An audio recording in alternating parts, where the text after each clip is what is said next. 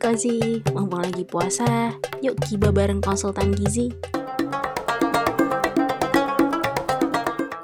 Assalamualaikum warahmatullahi wabarakatuh sahabat Kozi Ketemu lagi di segmen Gibah Gizi Berkah bersama konsultan Gizi. Gizi Berkah Ramadan Barokah. Puasa menjadi ibadah yang paling indah Karena dengerin segmen Gibah bersama konsultan Gizi. Yeay Ketemu lagi nih sama Aul. Nah tapi kali ini Aul sendiri nih Kan biasanya kan ditemenin sama Novila sama Filzah nih. Cuman kali ini kita berbeda nih. Jadi Aul sendiri nih bakalan cuap-cuap sendiri. Hmm semoga kalian gak bosen dengerinnya.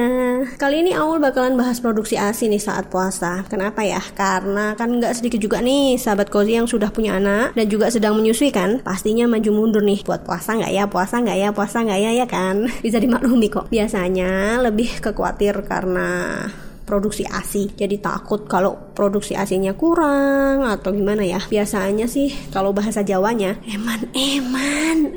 Apalagi kalau misalkan masih ASI eksklusif, kalau ntar misalkan produksi ASINya seret atau nggak berkualitas kayak gimana. Kayak gitu kan. Nah, di sini Aul mau sharing sedikit nih tentang hal itu. Langsung ya. Gimana sih kalau puasa bisa nggak ya buat busui alias ibu menyusui? Apakah produksi ASINya nanti nggak berkurang nih? Kan makannya cuman sahur sama buka ya atau perlu konsumsi suplemen gak sih? Biasanya pertanyaannya sih seputar itu ya kan. Oke oke oke oke. Biar mempersingkat waktu, Aul bakalan sharing satu persatu nih. Kalau ditanya bisa gak sih busui berpuasa? Hmm, Insya Allah agama kita tuh mempermudah banget kok. Jadi boleh puasa, boleh enggak. Jadi kalau misalkan ditanya, boleh enggak sih ibu menyusui berpuasa? Bisa banget, boleh banget. Yang jelas memang akan beda ya dengan ibu satu dengan yang lainnya. Disesuaikan kondisi masing-masing nih.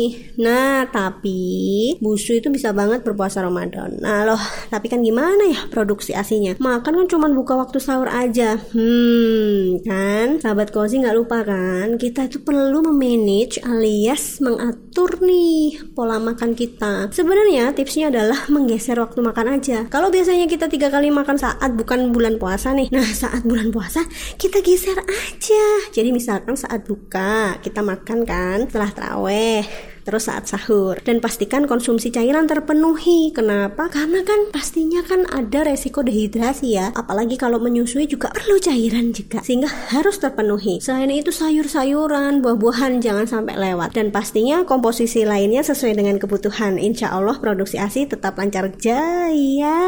Karena prinsipnya kan produksi ASI kan supply dan demand. Kalau permintaan banyak atau tinggi tubuh kita bakalan produksi kok. Jadi nggak usah takut seret nah kalau misalkan ditanyain aku masih di bawah 6 bulan nih masih ASI eksklusif. Gimana ya? Nah tadi kan Aul udah bilang nih sebenarnya boleh aja kok. Misalkan kalian mau puasa memang bakalan ada resiko-resiko yang lainnya kayak misalkan dehidrasi dan lain sebagainya. Cuman kalau kalian bisa memanage dan memang memastikan uh, kebutuhan kalian terpenuhi nggak masalah kok. Kalaupun juga nggak puasa juga nggak masalah. Yang penting tipsnya tadi dilaksanakan. Kebutuhan cairan terpenuhi kebutuhan konsumsi juga terpenuhi nih. Nah banyak juga pertanyaan nih sekarang. Perlu nggak ya suplemen nih biar pede gitu deh gitu kan.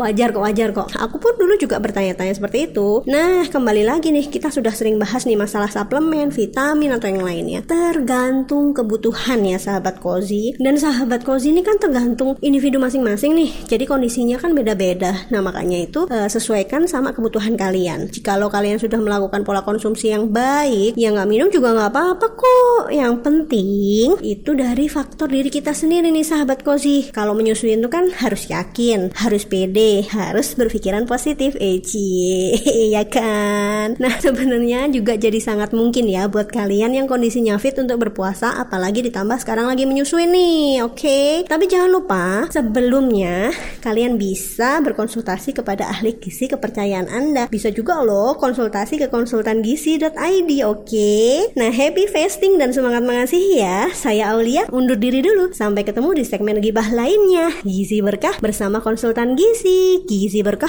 Ramadan Barokah. Puasa menjadi ibadah yang paling indah karena dengerin segmen gibah bersama konsultan gizi. Wassalamualaikum warahmatullahi Salam jiwa anti mitos dan hoax.